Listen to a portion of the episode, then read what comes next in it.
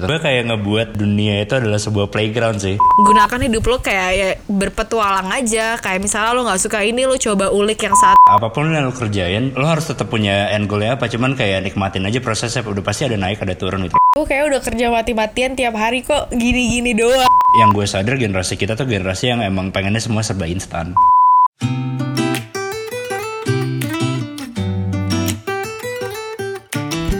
Hai semuanya, kembali lagi di Cerita Cece. Jadi setelah lama Cece nggak upload akhirnya Hari ini Cece akan ngobrol sama teman Cece Teman lama dan baru. Karena kita ya kenalnya juga nggak baru-baru amat nggak lama-lama amat. Eh, Jadi teman aku yang satu ini dia Menurut Cece sih dia lumayan sukses lah ya di umur yang sangat muda.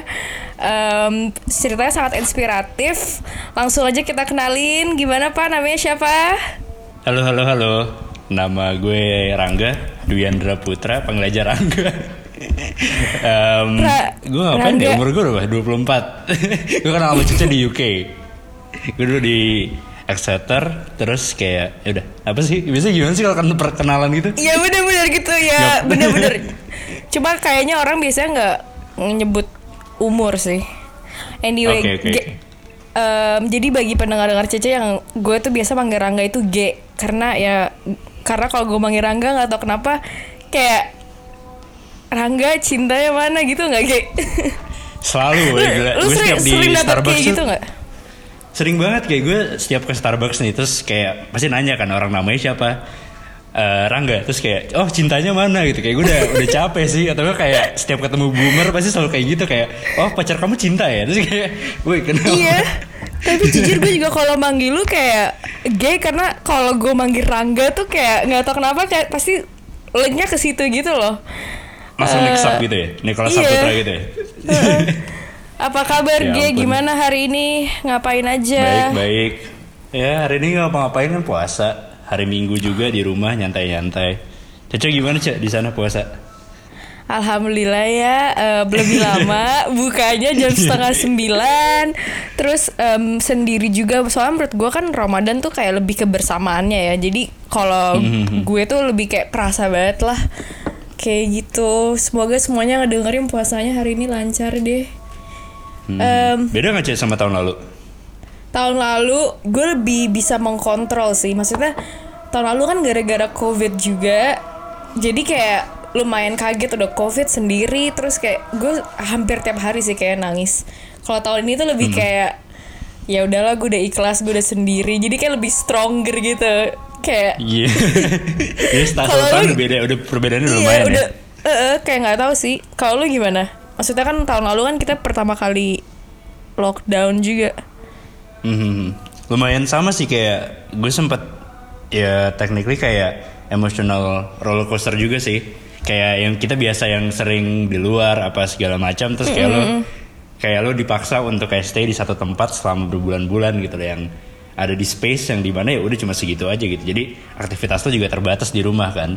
Dan apa ya kayak social interaction lo adalah orang-orang yang di rumah aja. Jadi bosen sih kayaknya lebih ke kan? bosen dan kayak jenuhnya ya iya iya Terus tapi juga gue sahur sendiri juga kan, maksudnya kayak karena gue berdua sama nenek gue, terus nenek gue juga nggak puasa, jadi kayak ya udah gue sahur sendiri, kayak buka ya kadang berdua sama nenek gue juga gitu. Tapi menurut lo em, hal apa yang ngebantu lo selama kayak tahun lalu dan sekarang? Maksudnya mostly tadi lu bilang lo sendiri kan, Ge. Dan jadi social interaction lo yang tadinya kayak lo keluar-keluar terus tiba-tiba ya lo stuck lah. Hal apa sih yang ngebantu lo selama ini untuk kayak lebih kayak stronger atau kayak you can go through this lalu bisa ngelewati masa-masa kayak ya bisa dibilang buat semua orang ya susah gitu loh.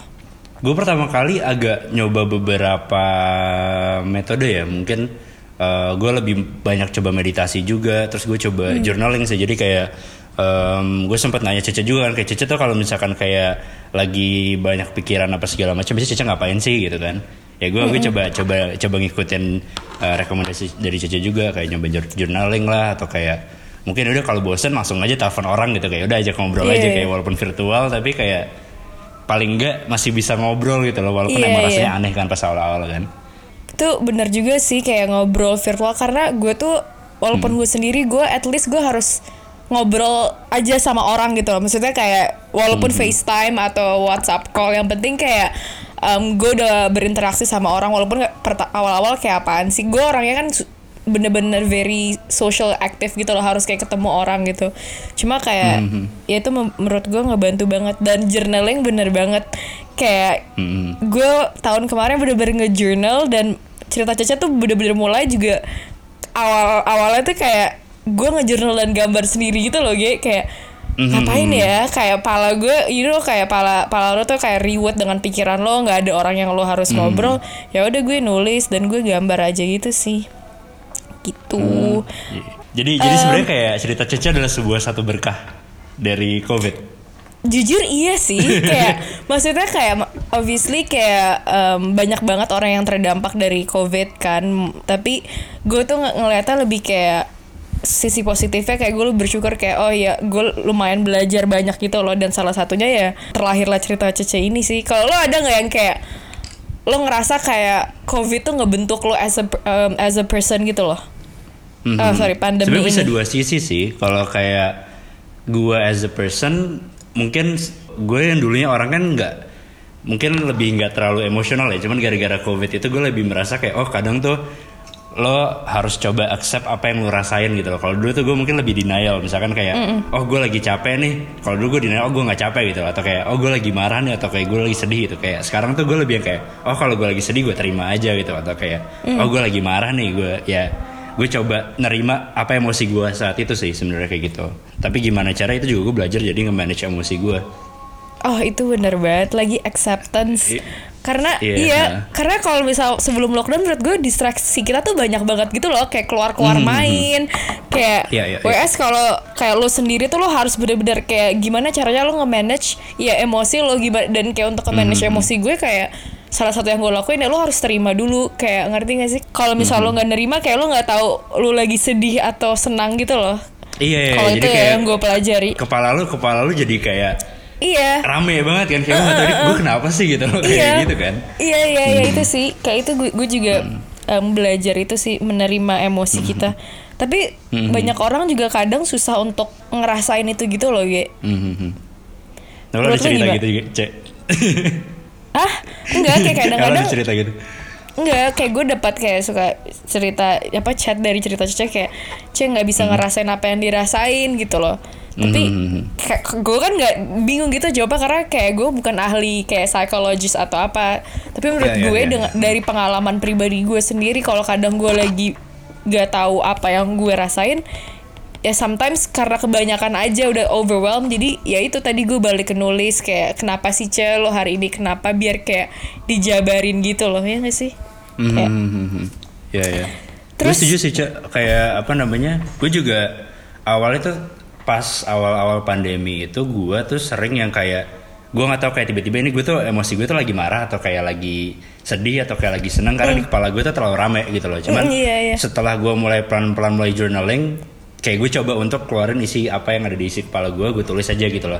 Kayak gue gue udah gak usah mikir gue nulis apa gitu loh. Cuman mungkin beberapa hari setelahnya gue coba baca lagi. Jadi dengan kayak gitu gue bisa pelan-pelan kayak oh ternyata kemarin tuh sebenarnya gue lagi ngerasain ini sama ini gitu loh.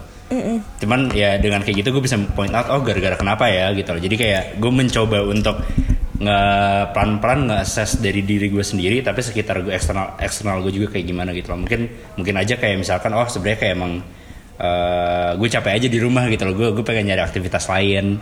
Yang akhirnya Iya, gue iya. coba misalkan eh, apa gitu gue coba. Yang yang dulu ya gue misalkan kayak sesimpel gue dulunya udah dulu gue sering banget suka main game gitu.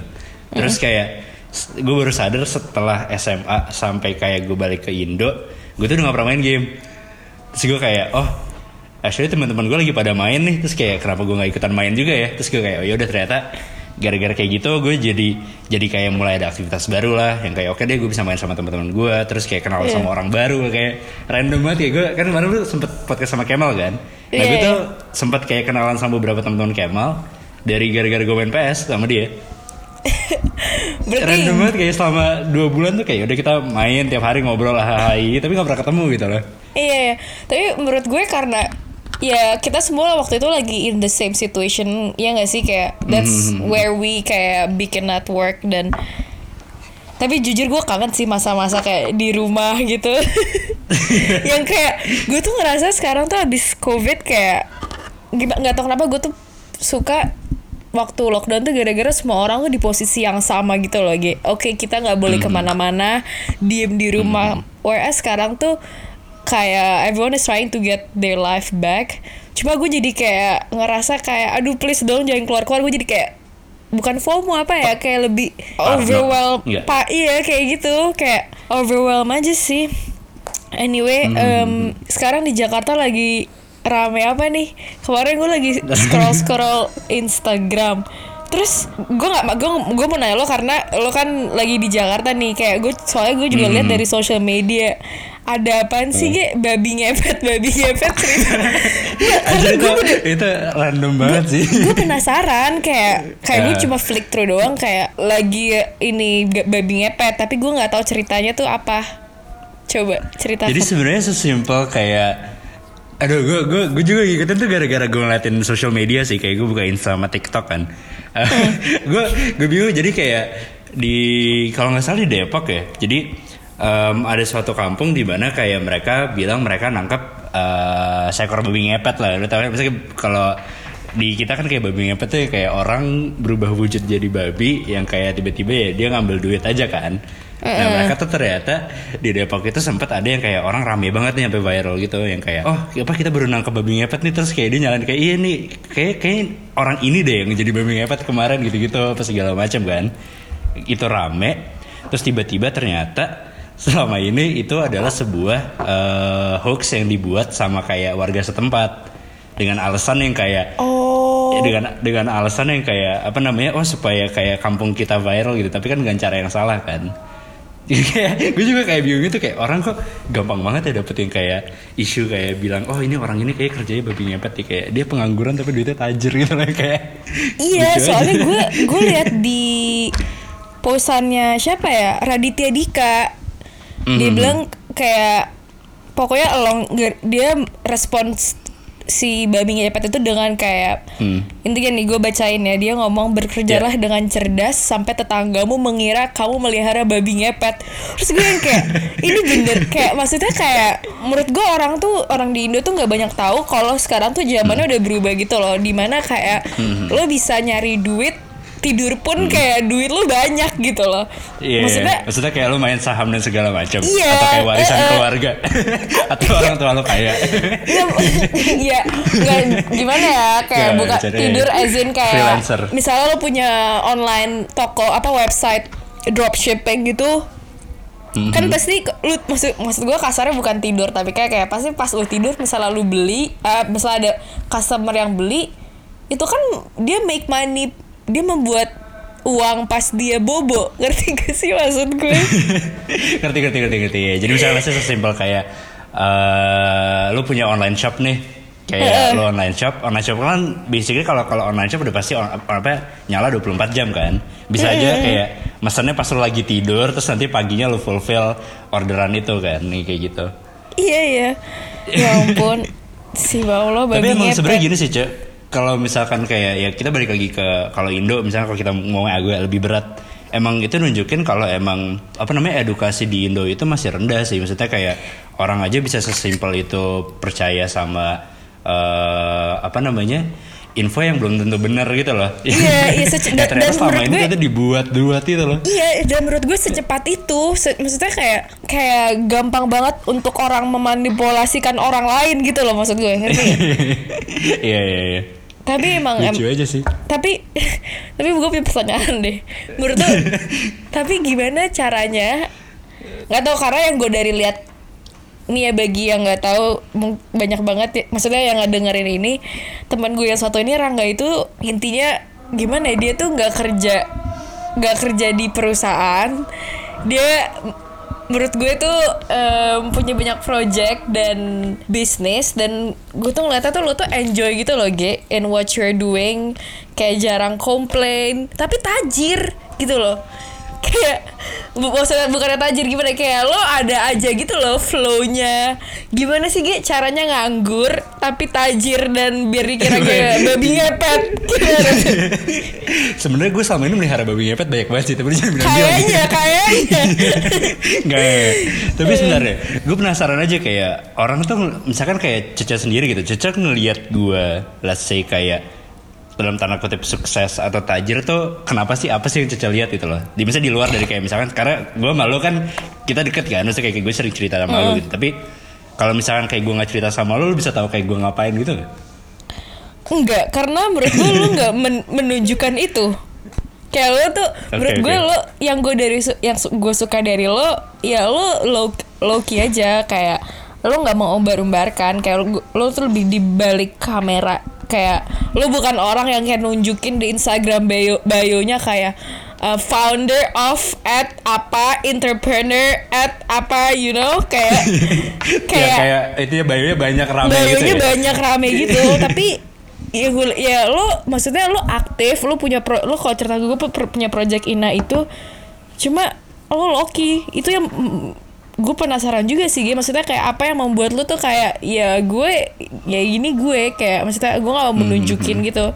Karena banyak orang yang kayak kayak they're proud gitu loh. Mereka bangga dengan apa yang mereka kerjain. Kayak buat lo untuk kayak ngerasa bangga caranya gimana em, gimana ya wordingnya? Biar kayak lo nggak usah nunjukin gitu. Ngerti nggak pertanyaan gue? Sebenarnya ngerti ngerti ngerti ngerti. Em, sebenarnya gue mulai dari cerita dari awal dulu sih. Jadi em, gue emang udah mulai ngerjain beberapa proyek itu dari gue waktu kuliah di UK sebenarnya tuh gue tipe yang kayak orangnya tuh gampang bosanan jadi kayak waktu pas gue di pas gue di kuliah itu gue coba nyari beberapa ya kesibukan lah di luar gitu loh. Awalnya gue start itu emang eh, coba apa ya fokus bukan fokus sih lebih nyoba-nyoba waktu itu di F&B karena menurut gue kayak F&B itu adalah suatu hal yang menarik di eh, Jakarta untuk dicobain apalagi untuk umuran kita kan. Kayak umuran kita itu tipe yang kayak spending terus ya kayak keluar jalan-jalan lah nyobain tempat ini nyobain tempat itu loh gitu. Terus gue penasaran kayak oh bisa nggak ya kayak gue nyobain main di situ gitu loh. Yang itu gue mulai di 2018 itu pun juga gara-gara waktu itu gue lagi cuti kuliah. Jadi kayak gue sempat ada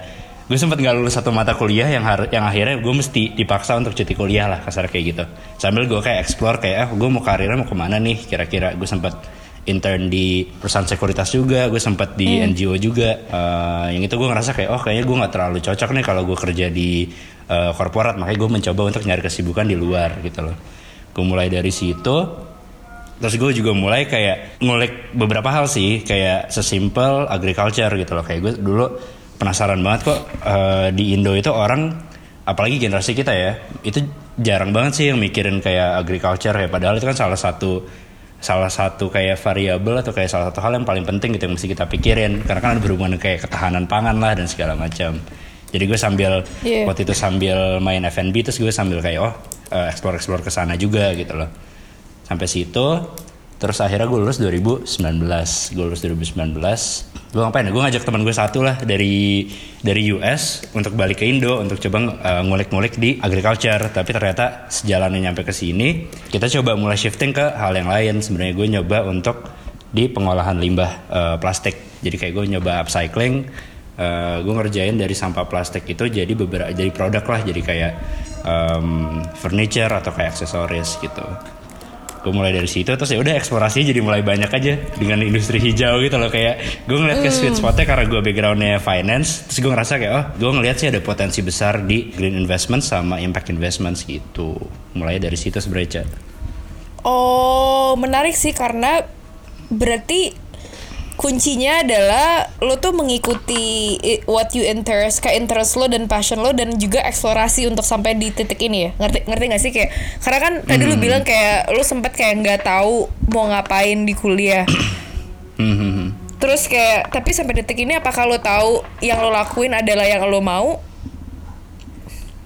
itu gue baru sadar justru setelah beberapa bulan balik dari Indo awalnya kayak jadi eh gue tuh sebenarnya kayak bukan gue nggak tahu apa yang mau gue lakuin sebenarnya ya pas eh, gue di kuliah tapi gue ngerasa kayak industri apa sih yang gue bener-bener kayak pengen gue tekunin juga gitu.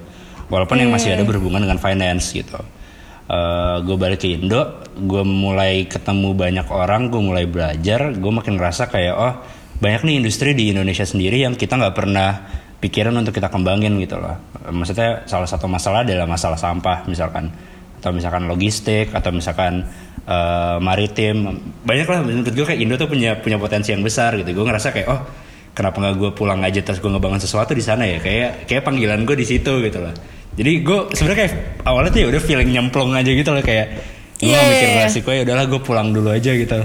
Ini menarik sih Ge, karena banyak banget orang yang kuliah di luar tuh pasti yang gue tahu ya pasti mereka mau maunya stay di luar gitu loh. Karena mereka ngelihat kayak oh ya udah gue udah kalau di luar maunya tuh em, ya kerja di sini lah. Udah udah jauh-jauh ngapain balik ke Indo. Cuma for you kayak lu tuh ngelihat kayak banyak aja options yang bisa di touch dan untuk kayak nge-improve negara lu sendiri gitu loh. Whereas kalau gue sendiri gue mau kayak gitu, cuma tuh gue tuh takut gitu loh. I think ah, gue tuh suka banget kata-kata lo yang nyemplung aja karena gue selalu punya kayak mimpi kayak oke gue gimana ya men- mencari pengalaman dulu nih di London. Tapi sampai detik ini gue tuh nggak tahu kapan gue harus kayak stop dan kayak pulang dan nge, nge- membawa yang gue punya untuk ngebangun sesuatu di di Indo gitu loh. Kayaknya untuk yang ngedengerin kayaknya emang harus ya lu nyebur aja dulu gitu loh Ge. Karena itu sih itu juga sih yang kayak pas gue buat cerita Cece gue nggak tahu gue bakal buat gitu loh. Gue kayak beneran nyemplung aja sampai kayak detik ini nih gue aja nggak tahu ke depannya bakal gimana gitu loh. Maksudnya kayak oke gue punya plan cuma makin ke sini tuh gue makin lihat kayak gue nggak mau ngeplan apa-apa gitu loh Ge. Karena yang di yang gue plan tuh biasanya tuh nggak kejadian aja. Menurut lo Kayaknya bukan gimana? tentu Bentar deh. Yang gue penasaran dulu Kayak Cece Cece kayak kenapa Cece pengen kerja di UK Alasannya kayak pertama kali itu kenapa? Karena karena kan industri gue kreatif kan. Mhm. kayak fashion. Dan menurut gue di UK tuh fieldnya lebih gede aja dibanding di Indo. Kasarnya Mhm. lebih kayak ya gue ya tadi gue bilang gue mau cari pengalaman dulu di sini karena lebih lebih maju lah. Jadi pas gue nanti Ya, di ya. Indo gue bisa pakai ilmu yang gue punya buat ngebangun brand gue. Tapi makin makin makin ke sini tuh gue makin mikir kayak Indo udah maju juga gitu loh ge. Kayak Kita masih masih banyak Maksudnya kayak Karena kita ya negara berkembang Masih banyak hal yang bisa kita Apa ya Opportunity masih banyak banget sebenarnya. Iya, Tapi iya, emang nggak pernah ada salahnya untuk kayak kerja di luar dulu, ngambil pengalaman, terus balik ke Indo. Em, karena gue ngerasa kayak eh, walaupun let's say gue mulai ini tanpa pengalaman, emang banyak hal yang kayak eh, gue pel- harus pelajarin juga gitu loh, yang gue nggak pernah kepikiran. Misalkan eh, emang gue backgroundnya finance, tapi gue mesti belajar legalnya lah, gue mesti belajar operations, gue belajar mesti belajar kayak marketing. Itu mungkin kayak awal-awal tuh berat beratnya berat makanya ber- beratnya lebih kayak oh uh, working hours gue itu nggak mungkin bukan kayak orang normal sih. Itu kayak mungkin dark side of kayak lu mulai sesuatu kayak mulai bisnis kayak entrepreneurship gitu loh karena lu dipaksa untuk kayak oh nyemplung tapi lu mesti juga belajar. Karena kan lu belum pernah kerja lu belum pernah ngerti sistem kayak oh sebuah corporate culture yang bagus tuh kayak gimana sih? Kalau terus kayak misalkan bisnis proses yang bagus tuh kalau ada di, sebuah company itu kayak gimana gitu. Kayak banyak hal kayak pajak gitu. Kayak gue gue juga baru learning by doing semua gitu. Iya iya. Iya sih. Em, yang gue suka dari lo tuh kayak yang gue ngeliat lo tahan banting gitu loh Ge. Kayak lo naik turun, misalnya kayak ada project ini terus kayak misalnya ini it doesn't work terus lo kayak naik lagi terus ide lo tuh terus berkembang. Apa sih tipsnya kayak misalnya lo jatuh terus lo bangkit lagi ada ide baru lagi terus kayak ini yang ini idenya nggak works terus lo punya how do you keep your ideas flowing and going sih? Soalnya tadi lu Aha. bilang kayak lu dari FMB, lu ke agriculture, upcycling, dan sekarang Aha. yang lu lagi ngerjain satu project baru lagi yang di bidang Aha. karbon kayak Iya, iya, iya. gim- karena menurut gue itu semua beda-beda kayak FMB, agriculture, up, kayak upcycling, terus kayak tiba-tiba Hmm. jeger karbon. How do you de- kayak lu udah ngedevelop ide-ide lu tuh gimana? Menurut gue itu kayak nggak nggak gampang aja untuk kayak punya beda-beda ide. sebenarnya awalnya itu justru gara-gara di eh, pas gue apa pas gue kuliah sih gue tuh orangnya suka ngulik sih sebenarnya gue suka ngulik. Eh, banyak hal yang emang gue gue baca dari kayak research paper atau kayak dari simbol kayak Financial Times atau kayak apa pun lah maksudnya kayak gue emang suka baca suka penasaran aja orang ya. Nah terus em, misalkan kayak gue balik pas balik ke Indo itu em, gue suka untuk eh, ketemu sama orang baru yang main di industri itu. Misalkan kayak oh em, apa namanya gue lagi pengen penasaran ngulik tentang eh, waste managementnya di Indo. Di Indo tuh kayak gimana sih? Oh ya udah gue coba coba kayak buka LinkedIn atau kayak buka Insta apa segala macam ya gue ajak ngobrol aja orang-orang yang main di situ gitu loh. Dengan kayak gitu gue pelan-pelan kayak ngebuka makin ngebuka pikiran gue aja sih jadi kayak oh kalau misalkan waste management company sebenarnya kalau eh, waste management industry itu adalah sebuah industri yang gede loh ada yang ada yang dari eh, apa mulai dari pemulung lah ada kayak bank sampah ada kayak gimana cara ngolahnya terus di situ ada government juga gitu loh Em, apa namanya justru semakin gue belajar semakin gue nggak tahu semakin gue penasaran ngerti nggak? Iya. jadi Iya. itu itu mulai dari situ ha. Cuman ada satu hal sih yang kayak gue gue gue dikasih tahu sama bokap gue sih. Maksudnya yang itu gue tanamin sampai sekarang tuh coba bergaul sama orang yang lebih tua. Itu yang gue selalu gue selalu tanamin dari pertama kali gue nyampe di UK karena dengan kayak gitu eh, wawasan lo cara pikir lo apa segala macam pelan pelan akan ke bawah sendiri. Karena lo belajar dari mereka gitu tanpa lo sadarin.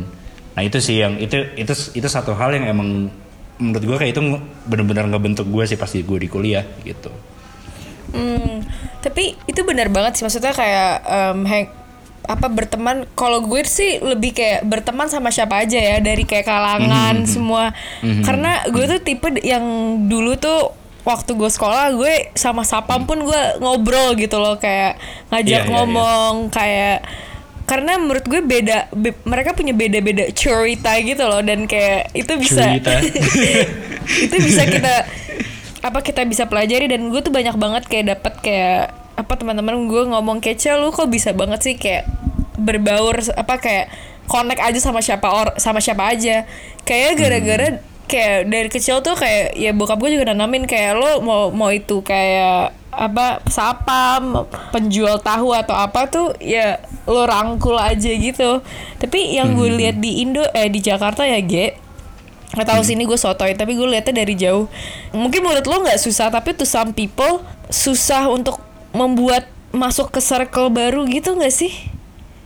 Hmm, Kayak gue tuh- gue- gue ngerti gue ngerti maksud lo ya karena ya. gue liatnya kayak ini gue dari maksudnya gue liatnya dari sosmed atau ya teman-teman gue cerita ya. Kayak semua orang udah punya em, circle-nya masing-masing misalnya A B C misalnya circle ini. Tapi untuk kayak untuk misalnya satu orang keluar dari circle yang lain tuh apakah menurut lu mudah atau susah atau kalau emang susah kayak tipsnya apa untuk kayak semua or- kayak orang ini tuh bisa kayak connect ke semua circle dan kayak tadi lo kayak bergaul sama yang lebih tua yang you know Mhm. Sebenarnya kalau itu satu itu sih yang menarik sebenarnya. Gue tuh sebenarnya orang introvert. Kayak gue tuh sebenarnya orang yang kayak sangat tertutup kayak orang tuh gue tuh jarang banget cerita misalkan let's say tentang kayak eh, gue atau kayak perasaan gue atau kayak let's say keluarga gue atau kayak kayak apa yang lagi gue eh, apa namanya apa yang lagi gue hadepin gitu kayak gue nggak pernah cerita cuman setiap kayak gue mau kenalan sama orang, em, gue akan misalnya kayak kenalan ya gue apa adanya gitu loh.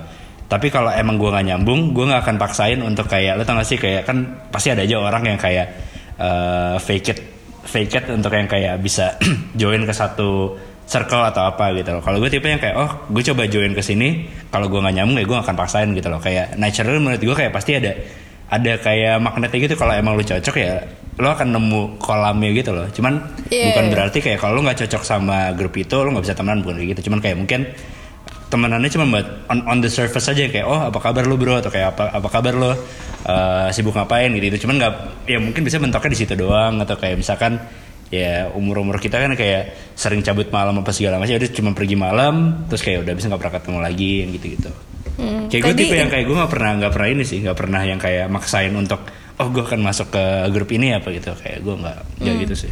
Kalau gimana cak? Nggak, so, tadi interesting karena lo bilang kayak sibuk ngapain. Nah, gue kayaknya minggu lalu gue baru ngepost tentang kayak kenapa orang Jakarta tuh selalu ngomong kayak sibuk ngapain atau lagi sibuk apa sekarang pas mereka ketemu pertama kali.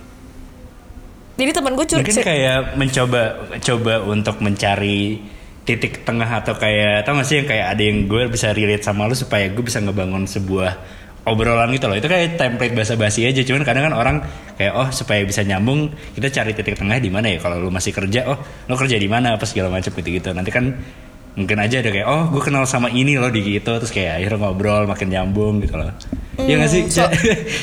Gak tau soalnya gue gue penasaran makanya gue bikin konten itu soalnya teman gue cerita em, Naval em, dia bilang kena iya orang-orang Jakarta tuh orang-orang Jakarta tuh lagi selalu nanya kayak lagi sibuk ngapain.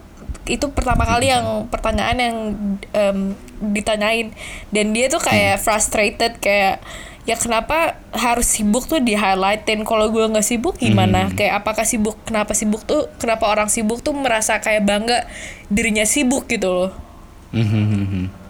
sedangkan Gue kayak ngeliatnya mungkin kayak ini kali apa namanya sebuah sebuah karena kita mesti kayak Jakarta adalah kota metropolitan di mana kayak semua orang ya kayak ada ada agenda dan agak ada tujuan ngerti nggak sih? Kayak oh gue gue di Jakarta gue kerja gitu. Oh gue di Jakarta gue kayak kuliah gitu atau kayak gue kerja di sini gue kayak punya bisnis ini gitu. Kayak itu mungkin udah sebuah apa ya sebuah culture aja sih. Jadi kayak eh, mungkin untuk untuk kayak kita sendiri itu ngelihatnya kayak oh jadi kayak social pressure yang kayak oh, oh kok si A sibuk sih? Kayak oh si B sibuk sih kalau di, di di media sosial gitu. Kayak menurut gue salah satu yang ngebuat apa ya ngebuat itu jadi sebuah kayak misalkan kayak lu se- seorang yang kayak lu punya image gitu. Itu itu kan orangnya bisa rata dibangun dari sosial media gak sih? Yang kayak orang ngepost oh gue Iya. lagi sibuk ini nih gue lagi kayak dia, dia foto kayak story di gedung misalkan kayak Pacific Century atau kayak apa gitu loh. Yang kayak oh lu kerja di sini ya gitu gitu jadi kayak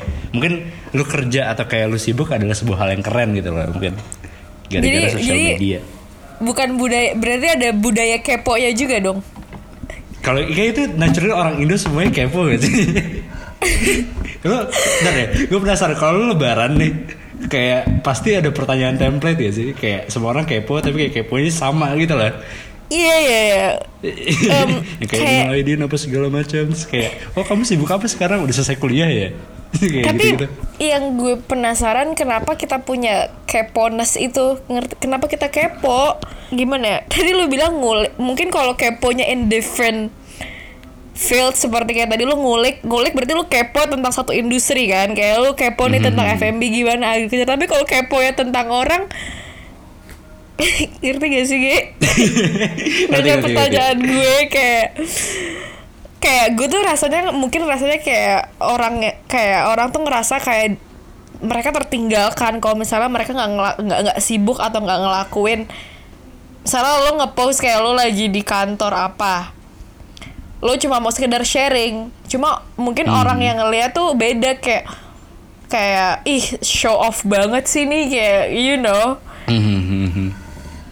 Ada kayak ada jealousnya ya?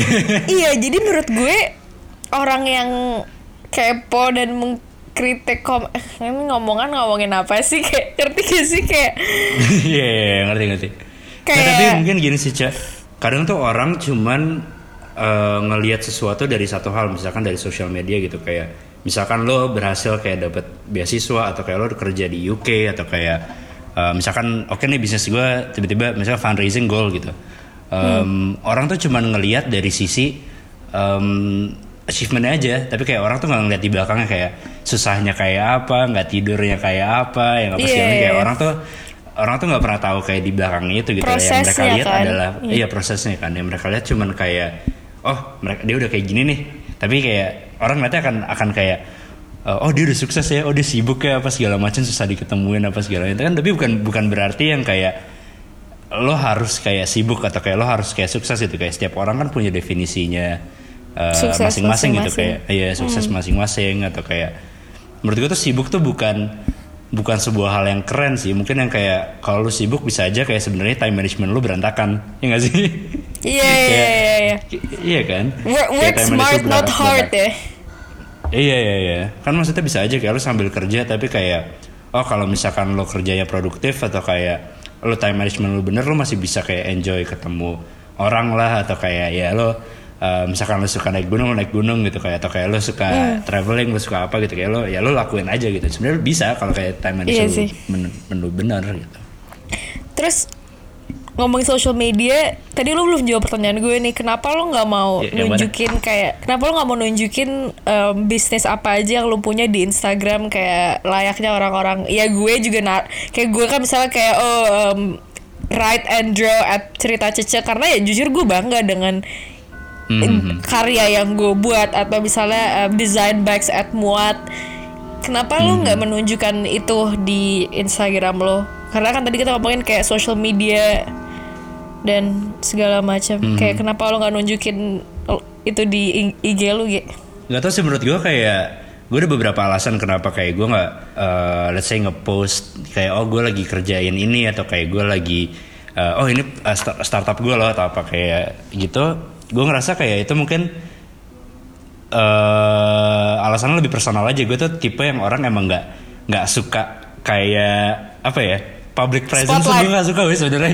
spotlight gitu gue nggak suka sama sekali. Kayak em, apa namanya eh, gue sih pengennya kayak apa yang gue lakuin em, itu bisa ada dampaknya untuk orang lain gitu. Misalkan kayak oke nih gue lagi ngerjain si em, apa namanya waste management ya siapa tahu dengan dengan hal yang gue lakuin itu bisa ngurangin let's sampah plastik dari eh, di Indonesia sendiri gitu misalkan atau kayak sesimpel kayak oh gue gue operate di Jakarta ya udah gimana cara gue bisa ngebantu solve masalah sampah plastik ya menurut gue tuh lebih gue lebih kepengen apa yang gue kerjain itu speaks for itself daripada kayak gue harus nunjukin kayak gue lagi ngerjain ini loh gitu Hmm, tapi cara lo apresiasi diri lo gimana? Kayak cara bilang, oh, gue proud of you gitu. Berterima kasih sama diri sendiri sih.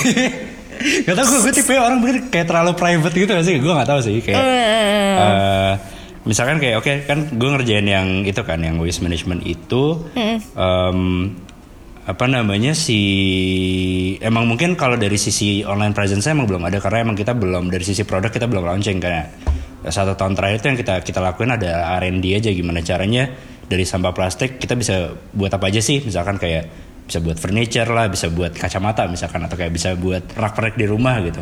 Nah cuman em, apa namanya em, mungkin gue akan mulai kayak ada atau mencoba untuk membangun presence itu ketika udah mulai kelihatan dampaknya sih untuk kayak eh, orang-orang gitu. Kayak orang misalkan kayak em, kadang kan orang perlu semacam kayak apa sih kayak cap gitu loh.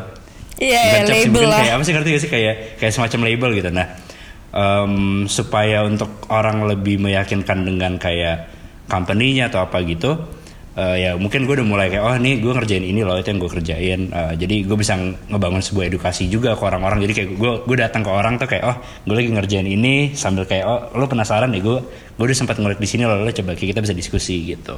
Hmm. Dan berarti yang gue bisa summarize adalah kayak ya lo bener-bener gak butuh validasi orang-orang lain. Lo cuma kayak lo kerja for yourself and semoga itu bermanfaat buat orang-orang itu ya nggak? Iya nggak sih? Atau mungkin itu sweet spot itu sweet spotnya aja sih sebenarnya wa- walaupun di luar itu tetap kayak kalau kata Riza sama Cucu kan kayak cuan bin cuan kan. cuan Iya, tetap cuan karena- tapi kayak gue selalu percaya satu hal sih kayak gimana caranya kita ngubah konsep dari kayak misalkan kalau di finance kita bilang bottom line, bottom line which, which means kayak profit gitu. Kalau menurut gue tuh profit itu harusnya dibarengin dengan gimana cara kita harus pikirin sama uh, people juga sama planet gitu loh. Gimana caranya justru kita ngebangun sebuah bisnis yang secara sustainability itu lebih panjang. Karena kita lebih mikirin planet kita juga kita mikirin juga uh, orang-orang juga yang tinggal di situ gitu. Kayak percuma kalau misalkan lo punya bisnis tapi yang akhirnya justru malah uh, ngerusak dari sisi planetnya atau dari sisi people-nya gitu Hmm, interesting sih karena yang gue lihat nih gue nggak mau soto juga maksudnya kayak orang-orang Indo banyak banget yang buat bisnis kayak jebret-jebret kayak tapi langsung mulai tapi kayak mereka kurang mikirkan dampak ke depannya gitu loh, Ge. Gue soto ya. kayak apa contohnya contohnya kayak industri apa gitu kayak Kayak misalnya kayak banyak banget kayak fashion gitu. Yang gue lihat tuh sama aja gitu loh brand-brandnya. Tapi ya kalau fashion sendiri kan maksudnya sekarang kan kayak emang apa ya? Maksudnya kalau kita ngomongin Indo sendiri, Indo itu secara behavior kita negara yang cara apa namanya masyarakatnya yang konsumtif. Jadi kayak mereka tuh suka belanja, suka belanja, suka belanja gitu loh. Jadi misalkan fast fashion di sini adalah satu hal yang mungkin industri yang emang lumayan yang yang growing lah. Padahal padahal kayak kadang kita nggak tahu kayak oh te, eh, textile apa textile waste tuh kayak gimana sih? Kayak seberapa banyak sih sampah yang Iya, di apa namanya yang dikeluarin dari industri itu gitu kan? Kita kan nggak belum tahu karena edukasi masyarakat kita itu masih hitungannya masih rendah. Jadi eh, mereka tuh belum mikirin kayak oh kalau misalkan gue konsum ini atau kayak gue beli ini dampaknya tuh apa sih? Gitu. Nah makanya mungkin salah satu visi gue gue pengen emang pengen mulai arahnya ke sana sih. Misalnya kayak gimana cara gue ngebangun sebuah sebuah industri hijau yang ya kita mikirin ya cuan cuan bin cuannya tetap tapi kayak people-nya juga planetnya juga gitu. Dari semua bisnis sama project lo yang lagi yang lo lagi kayak bener-bener into itu yang mana? Yang lo kayak oh my god gue suka banget ngejalanin ini. Sebenarnya dua sih kan maksudnya kayak uh, si waste management pasti karena kita tahu Indo salah satu penyumbang plastik paling banyak. Jadi uh, gue pengen banget ngebangun industri itu. Mungkin uh, dari hulu sampai hilirnya juga. Apa supaya orang juga lebih responsible lah sama konsumsinya mereka sama kayak uh, apa production prosesnya mereka gitu loh. Um, di luar itu gue lagi ngerjain juga kayak sebuah fintech sih. Fintech yang emang fokusnya ke crowdfunding. Kan kayak kita secara budaya kan kita suka budaya gotong royong kan. Jadi hmm. gue coba lagi coba ngebangun itu untuk kayak oh generasi kita kan emang mulai udah aware sama investments kan. Misalnya kayak lebih financial literate lah dibanding kayak generasi sebelumnya. Dan uh, banyak nih sebenarnya company-company atau kayak startup itu yang perlu funding uh, yang mereka tuh bergerak di industri yang fokusnya ke sustainability atau kayak ke environment atau ke social gitu. Tapi mereka punya ke apa ya punya masalah untuk akses akses ke funding. Jadi gue coba untuk ngebangun kayak oh gimana cara kita buat sebuah platform yang kita bisa kenalin dua apa ada ada pemodal ada juga uh, startup yang perlu uang ya udah kita kumpulin di satu tempat untuk kayak oh kita ngebangun industri-industri yang kecil-kecil nih yang kayak uh, ya tadi lagi yang kayak waste management lah sustainable agriculture hmm. atau apa gitu-gitu itu sih yang hmm. yang gue lagi seneng banget kayak oh sebenarnya impact investment tuh di Indo harusnya udah bisa udah bisa mulai growing sih apa nama proyeknya gitu. G kalau yang fintech namanya Swadaya. Tapi kalau untuk yang waste management tunggu ya. Belum belum launch soalnya. Oh wow, gitu. menarik menarik banget sih. Karena lu backgroundnya finance terus tapi lu touchnya tuh menurut gue ke ngulikan lo inilah yang membuat lo tuh bener-bener mentouch semua industri gitu hmm. loh dari FMB agriculture. Hmm. karena itu yang gue tanamin juga sih dari diri gue. Gue juga orangnya tuh curious kayak ngulik kayak ini kayak kayak udah udah satu field gue apa gue komplit terus gue kayak ah yang itu gimana sih penasaran deh kayak kayaknya menurut gue kan banyak banget nih yang kayak nanya di cerita cerita di apa komen apa um, message gue kayak cek nggak hmm. tahu nih pengen ngapain di hidup atau kayak purpose-nya apa hmm. nggak hmm. tahu mau kerjanya apa karena sebenarnya tips dari gue sendiri sih adalah ya lo keluar dan ngulik aja sih karena gue tuh nggak tahu gue suka apa yang gue kerjain kalau misalnya gue nggak coba-coba gitu loh Ge. kayak mungkin lo juga kayak hmm. gitu ya gak sih karena gue aja tuh lulusan kuliah gue Bax Design gue kerja bukan kayak sama dengan apa yang gue kuliah tapi gue suka hmm. kayak gue nggak mungkin di sini kalau gue nggak nyoba-nyoba hal yang bukan selain dari tas gitu loh Iya yeah, iya yeah, yeah. tapi kayak ah, kebanyakan orang tuh biasanya kayak kalau habis kuliah atau belajar apa kayak mereka selalu fokus di industri itu tapi sebenarnya ya enggak gitu loh kayak lo ya lo selama lo masih bernafas lo kayak punya waktu punya energi gitu loh maksudnya apalagi umur umur kayak kita kan lagi kayak menurut gue di hmm. kayak lo harus nyoba semuanya aja yang di depan mata lo kayak ketemu orang kayak ngulik sana sini hmm. kayak itu sih which is itu hmm. yang gue lihat dari lo sih lo punya skill itu oh btw hmm. ada yang nanya nih G di gue lo jawab ya Hah? Di, hmm. di jangan ya, tapi yang penting jangan lupa nafas ya. Iya jangan lupa nafas um, Oh iya gue belum bahas itu. Terima kasih semuanya yang udah mensupport Cece Yang udah beli. Semoga kalian ingat untuk bernafas ya. Itu penting sih kalau misalnya apalagi kayak kita sibuk sehari-hari apa segala macam kadang kita suka lupa sama kayak untuk istirahat lah kayak kita kita lupa hmm. sama kayak badan kita sendiri gitu loh even kayak pernah gak sih lo kepikiran kayak untuk kayak terima kasih sama badan lo gitu kayak terima kasih yeah. nih kayak iya. hari ini udah udah capek gini-gini apa sih yeah. menurut gue tuh Tapi, satu hal yang bikin lo konten juga sih iya itu teknik berterima kasih sama badan lo itu gue pakai lo kalau gue nggak bisa tidur gue gue kayak gue mm -hmm. gue diajarin nyokap gue kayak gue merem gue ngomong dari atas sampai kaki gue mm. kayak terima kasih ya kepala mm. hari ini udah mau diajak mikir kayak mata oh, yeah. kayak gitu Ka uh. jadi kayak kayak terus sama kelamaan gue tidur aja karena ya gue satu-satu mm. gue ngomongin dari apa pala mata hidung uh, coba uh, dulu coba uh Sumpah deh, banget. Gue pernah coba itu sih sebenarnya. Coba coba. Okay, okay. Nih, Tadi nih, apa pertanyaan pertanyaannya? Ada yang nanya dari Mita Sari, Ce gimana ya caranya mencintai pekerjaan kita? Aku capek banget rasanya kerja di tempat yang sekarang kayak salah terus gitu. Menurut lo tips salah. untuk nggak tahu hmm. dia cuma salah terus gitu titik-titik sejujurnya mesti balik lagi ke kondisinya masing-masing sih maksudnya satu emang ada beberapa hal yang mesti mesti difulfill dulu kan kayak kita tahu kan apa namanya kalau misalkan dulu kayak gue belajar bisnis tuh ada yang kayak namanya hierarchy of needs gitu kayak ada ada hierarki kebutuhan kita gitu. Selama kalau misalkan let's say kayak kalian kerja dulu untuk kayak menuhin kebutuhan kalian dulu yang penting nomor satu kan. Kalau ketika uh, kebutuhan kebutuhan kalian itu sudah terpenuhin yang hari-hari misalkan kayak ada tempat tinggal makan apa segala macam itu udah terpenuhin itu malah baru mulai pelan-pelan tuh nanti ada step lanjutannya lagi kan. Ada kayak mulai bisa mikirin kayak oh uh, passion gue di mana sih? Atau kayak oh uh, gue pengen karir gue tuh arahnya ke mana? gitu. Kayak kadang emang kita tuh mesti dibentuk di suatu tempat yang kita nggak suka dulu itu buat ngebentuk let's say kayak disiplin kita terus kayak mental kita baru kayak pelan-pelan lu pikirin oh next mau mau ngapain nih gitu pertanyaannya ya balik lagi end goalnya mau ke mana gitu loh kalau kayak podcastnya Pak Gita kan kayak end, end game-nya mau ke mana gitu loh gue suka banget sama dia BTW. Insya Allah ntar Ceceng undang Pak Gita kayaknya dua tahun lagi.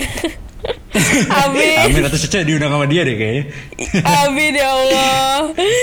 Em, Cuman emang kayak maksudnya kalau kalau stres ya gimana caranya emang mesti manage em, eh, emosinya dulu gitu loh. Maksudnya ketika kita bisa manage emosi, kita juga bisa mungkin pikirannya bisa lebih jernih untuk kayak oh sebenarnya kayak lu kalau kalau emang nggak suka di situ mungkin nggak ada opportunity lain gitu. Kayak coba aja explore dulu. Misalkan kayak oh gue backgroundnya marketing nih cuman sebenarnya kayak gue tertarik sama let's say finance gitu atau apa gitu. Kayak oh lu coba dulu aja eh, cek ke tempat kerja yang lain gitu loh. Tapi balik lagi skill set kalian tetap harus di apa ya tetap harus diasah juga gitu loh. Karena kan memang ada beberapa pekerjaan yang perlu skill set khusus kan.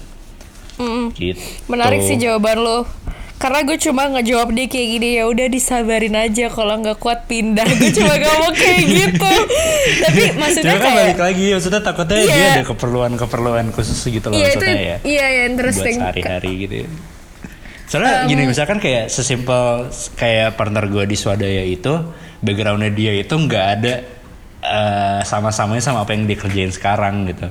Kayak Iya, iya, iya. dulu tuh dia backgroundnya itu geodesi jadi kayak engineer apa maksudnya kayak ya dia engineer di ITB terus kayak melalang buana ke sana ke sini apa segala macam terus sekarang ngerjain kayak fintech gitu loh kayak kita nggak pernah tahu emang kadang hidup ngebawa kita ke mana sih Iya, eh, itu itu kan yang tadi gue bilang kayak lo ya bener-bener ngulik aja. Tapi momen terindah lo apa sih Ge selama karir lo 24 tahun ini yang ngebuat lo tuh kayak ngebuka mata tentang kayak lo belajar banyak, nggak belajar tentang diri lo juga. Apa momen terindah lo kayak selama 24 tahun ini? momen terindah gue justru gara-gara covid sih. Menurut gue kayak ini Iya kayak kan? saudara iya. Saudara kak. Gue tau emang mungkin covid emang berat untuk even kayak gue pun untuk kayak bisnis gue yang lain itu eh, lumayan keganggu lah especially di F&B gitu loh. F&B kan mau nggak mau kita harus adapt sama situasinya gitu loh. Cuman di sisi lain gue ngerasa emang ada berkahnya juga. Kayak gue ngebangun si swadaya itu sendiri. Gue ketemu sama orang yang kayak di meeting untuk agenda lain ternyata nyambung terus ngerjain itu gitu loh yang kayak hal yang emang ini sweet spot. Menurut gue kayak itu kalau buat gue itu sweet spot ya kayak antara environments dan kayak impact impact eh, apa kayak green industry apa segala macam digabung sama finance. Nah itu ketika kayak gue udah tahu kayak oh selama ini mimpi gue visi gue ternyata udah ada di depan mata itu itu membuat gue kayak momen terindah gue sih ketika gue ketemu partner gue sekarang kayak oh gue kira gue selama ini gila. Ternyata gue ketemu sih, orang yang tepat gitu loh. Gue nggak tahu kenapa momen teri salah satu momen terindah gue juga pas covid sendirian sih gue banyak banget ngebu kayak belajar dan ngebuka mata gue sih kayak gue pada tahu gue tiba-tiba gue punya cerita Cece tuh kayak gue nggak pernah pikiran itu.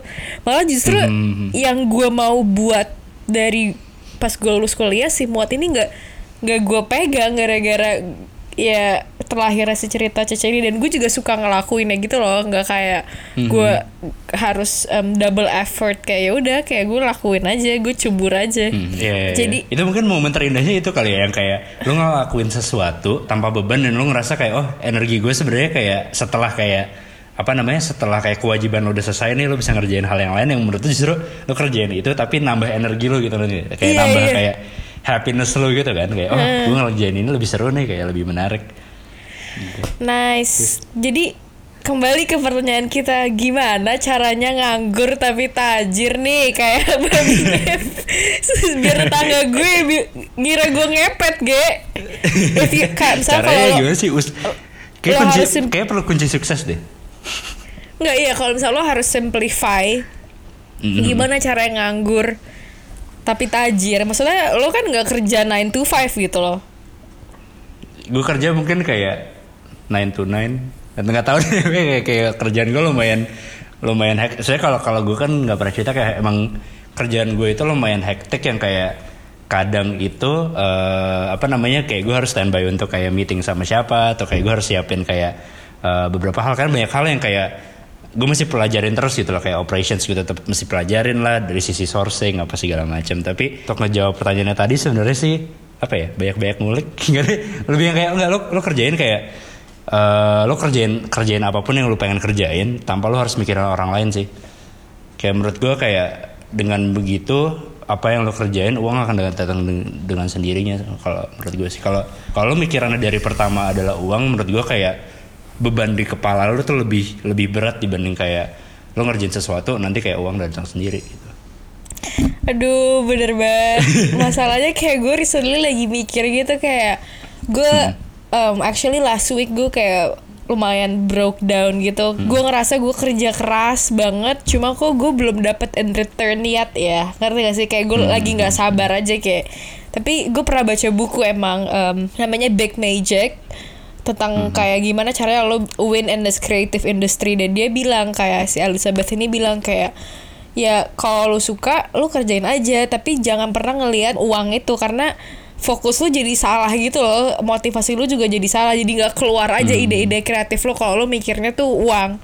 Tapi kalau misalnya lo mikirnya lo mau um, apa explore yourself atau kayak mau learn from your work itu akan lebih kayak hidup gitu karya-karyanya. Hmm, itu sih itu menurut gue tips yang bagus sih Ge ya, sama ini sih. Maksudnya menurut gua kayak apa pun yang lo kerjain, lo harus tetap punya end goalnya apa. Cuman kayak nikmatin aja prosesnya. Udah pasti ada naik, ada turun gitu. Maksudnya gue pun selama ini apa namanya selama covid ini yang gue kerjain itu gue kerja kadang even weekend pun gue kerja gitu loh ya ya gue nikmatin aja maksudnya kayak karena karena gue seneng dengan kerjaan gue juga gue mikir kayak oh ya udah gue kerjain dulu tapi jangan lupa tetap aja mesti istirahat juga gitu Maksudnya kalau nafas. istirahat lo riset dan nafas jangan lupa nafas Jangan lupa Lagi. nafas, Balik ayo lagi. merchnya masih Ya. ada di Tokped dan Shopee Walaupun kaosnya sudah, yang besar sudah pada habis Tadi apa namanya? Gue lupa tadi gue mau ngomong apa. Tadi nyampe mana sih? Kok gue blank tiba-tiba?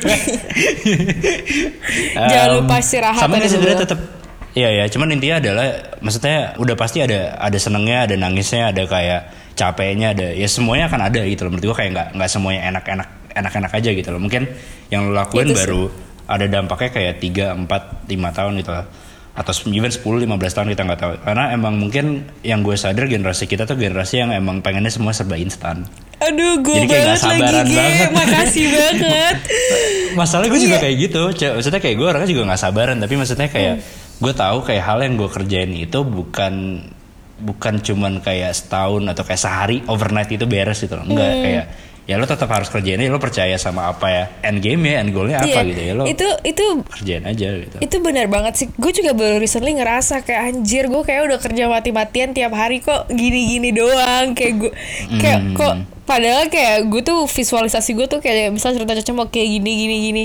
Cuma Hmm. ya iya emang kayak yang yang sesuatu yang instan tuh nggak baik. Kayak lo banyak makan mie goreng aja tuh kagak baik kan. Itu kan mie instan Iya, kan. iya, iya. Karena kayak Iya, iya, iya. formulanya juga kayak ya maksudnya emang ada cheat? Kagak ada cheat kan? Kayak I think it's bener-bener kayak constant consistency. Itu bener-bener kayak juga penting sih.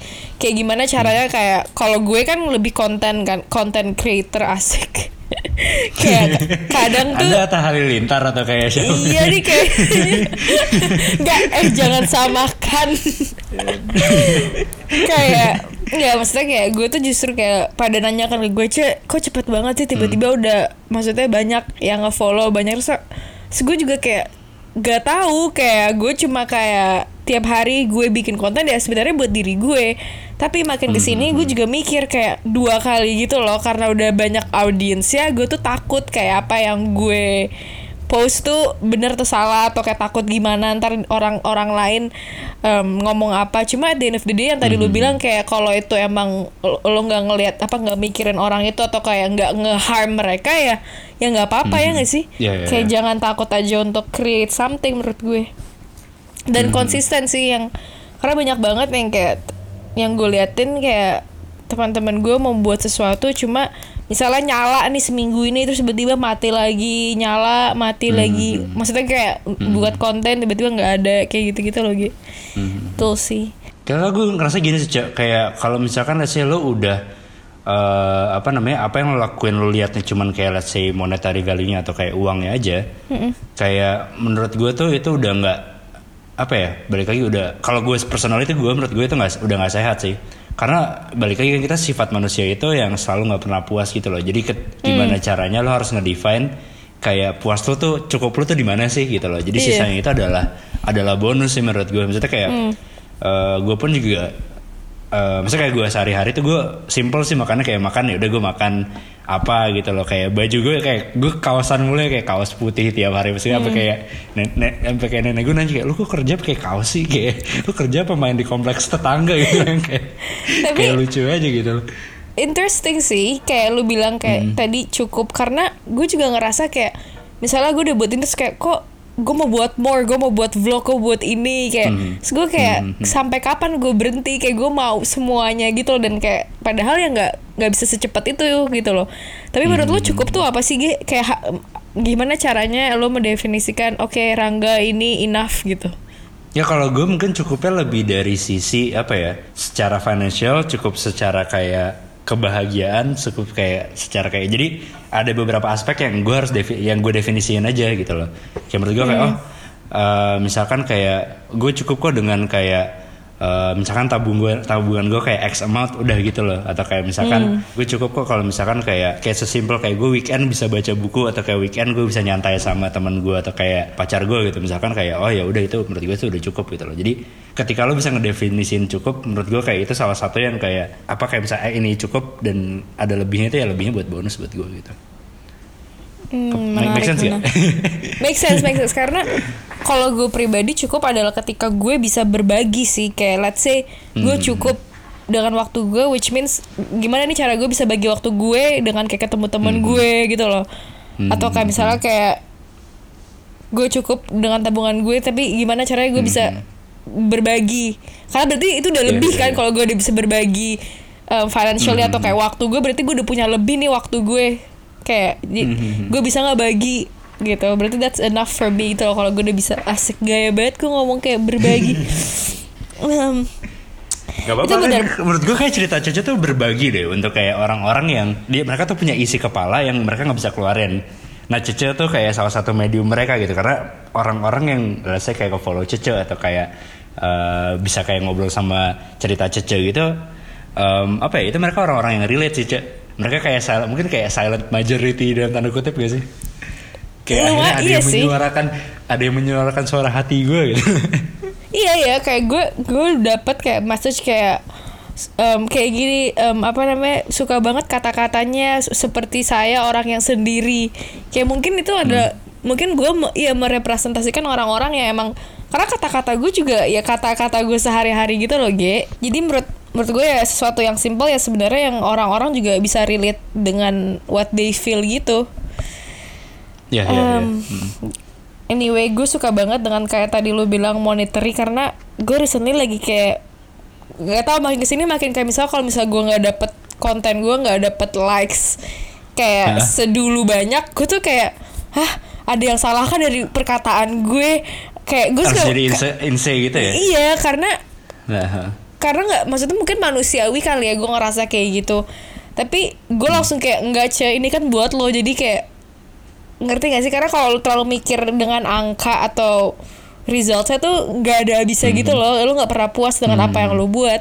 Cuma kalau lu mikirnya kayak lu cuma mau berbagi lu mau mau share dan buat diri lu sendiri kayaknya lebih aman gitu loh ngerti nggak? I- kayak yang tadi lu bilang kayak nggak ada beban gitu Tapi emang mungkin kalau kalau kalau let's say kayak gue ya, misalkan kalau gue memposisikan diri gue dua orang gitu, misalnya satu orang adalah orang yang gue gue sebagai profesional dan gue sebagai personal gitu. Kalau profesional, menurut gue emang angka tuh tetap perlu karena itu untuk kayak em, apa namanya nge-guide tuh kayak em, performance lo gitu kayak eh, kerjaan lo bener nggak sih atau kayak strategi lo yang lo kerjain selama ini tuh apakah sesuai untuk kita mencapai visinya atau enggak gitu. Tapi kalau dari sisi personal itu menurut gue apa namanya kalau misalkan emang kita dipaksa untuk kayak apa ya eh, ngeset target terus tanpa kayak kita let's say istirahat atau kayak kita ri- rehat gitu loh bisa rehat untuk kayak kita refleksi sih selama ini kayak oh kalian kadang suka lupa kalau misalnya kita ngeliat nengok ke belakang nih kayak eh sebenarnya kita kita di jalan udah jauh banget loh Iya. itu yang kadang-kadang kayak orang kayak nggak nggak tahu gitu loh Iya banget lagi. orang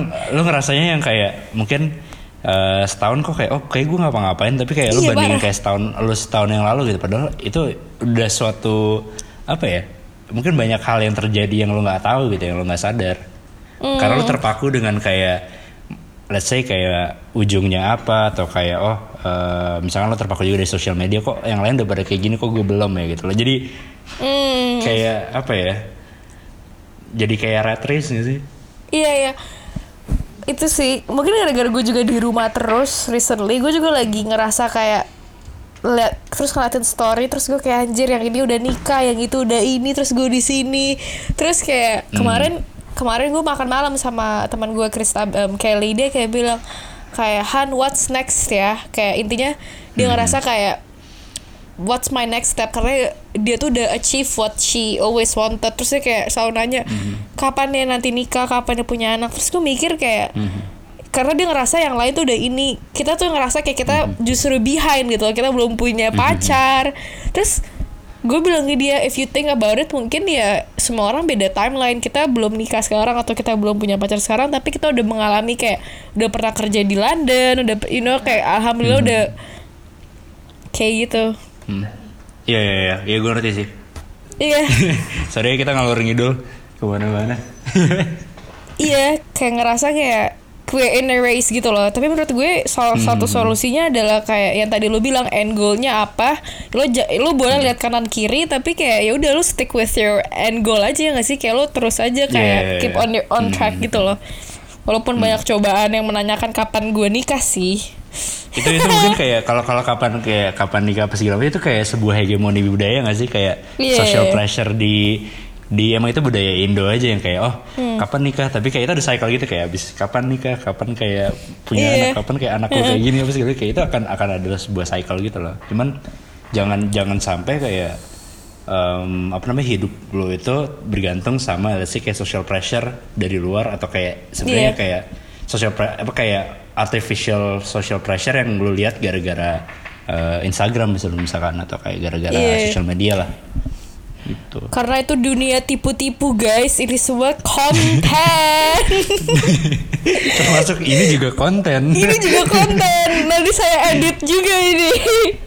Tapi tadi gue suka iya benar banget. Karena kita suka lupa yang tadi lo bilang kita suka lupa dengan apa yang kita kayak kita selalu lihat ke depan dan kita suka lupa lihat kayak oh my god kita udah ngerjain ini kayak kita udah sampai detik ini. Gue waktu tahun lalu bener-bener dapat kartu ucapan omongannya kayak gini don't forget to celebrate what you've done. Simply kayak gitu. Terus gue langsung kayak karena kan biasa orang kayak sukses selalu ya atau kayak apa. Terus gue langsung kayak bener-bener mikir oh my god kayak gue jarang berhenti gue jarang kayak bernafas untuk mereflek kayak merefleksikan kayak gue udah sejauh ini loh kayak kayak maksudnya yang dulu mungkin gue nggak bisa kayak gini ngobrol atau kayak nggak bisa kerja di London sekarang kayak gue udah di sini loh gitu loh Iya, iya. Anyway, kayaknya kita harus wrap up. Karena kayaknya oke, sih oke.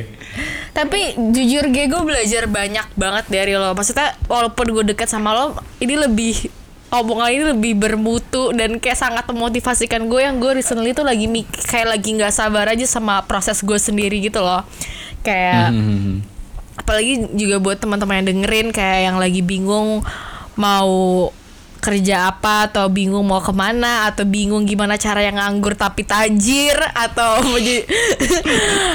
atau kayak mau apa mau cari passionnya tadi yang gue belajar dari Rangga adalah kayak tipsnya ya lo eksplorasi sih. Gunakan hidup lo kayak ya berpetualang aja. Kayak misalnya lo nggak suka ini lo coba ulik yang tuh oh ini ini udah lo udah apa lo udah cover lo coba lagi ngulik yang beda lagi. Kedua adalah proses sih karena nggak banyak orang tahu di orang-orang sukses kayak Bapak Warren Buffett Jakarta Selatan ini Rangga. Enggak lah gila. Kayak- amin aja deh gue amin. Dia kerja dari jam 9 sampai jam 10 malam eh 9 lagi. Em, tapi namanya manusia juga kadang-kadang kita suka nggak ada kesabaran apa nggak sabarnya naik turunnya juga.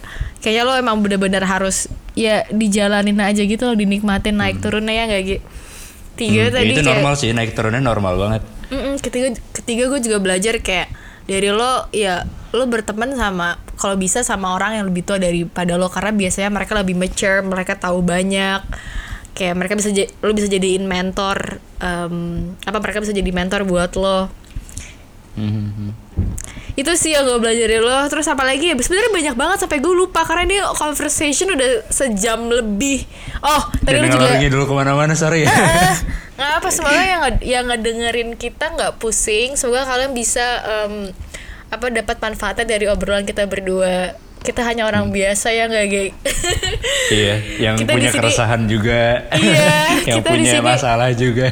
iya kita di sini orang biasa yang kayak cuma mau, mau berbagi cerita kita cerita gue cerita Cece dan cerita Rangga di sini Em, semoga kalian semua ya tadilah bisa belajar dari cerita-cerita kita lo mau ada omongan apa lagi nggak gitu terakhir Terakhir eh, pesan gue em, apa ya? Coba coba kayak ngebuat eh, dunia itu adalah sebuah playground sih. Jadi kayak lo anggapnya lo anak kecil yang kayak lo lagi di sebuah apa namanya dulu kita bilangnya apa sih playgroup ya? Kayak playgroup ya udah itu lo kayak lo mau main pasir ya lo cobain gitu. Kayak lo mau main perosotan ya lo cobain gitu. Kayak lo ketemu orang baru kenalan apa segala macam. Kayak lo jatuh sakit ya iya gitu lo pasti gitu. Jadi ya udah coba aja anggap kayak dunia ini sebagai playground aja. Wow, simple tapi nge- nge- ngena banget tuh. Berarti ya jangan takut untuk mencoba hidup itu sebagai playground. Karena ya lo di sini ya nggak lama sih. Dan kayak lo cuma sebentar dan don't jangan sia-siain waktu lo. Apalagi umur-umur kayak kita umur-umur 20 ini.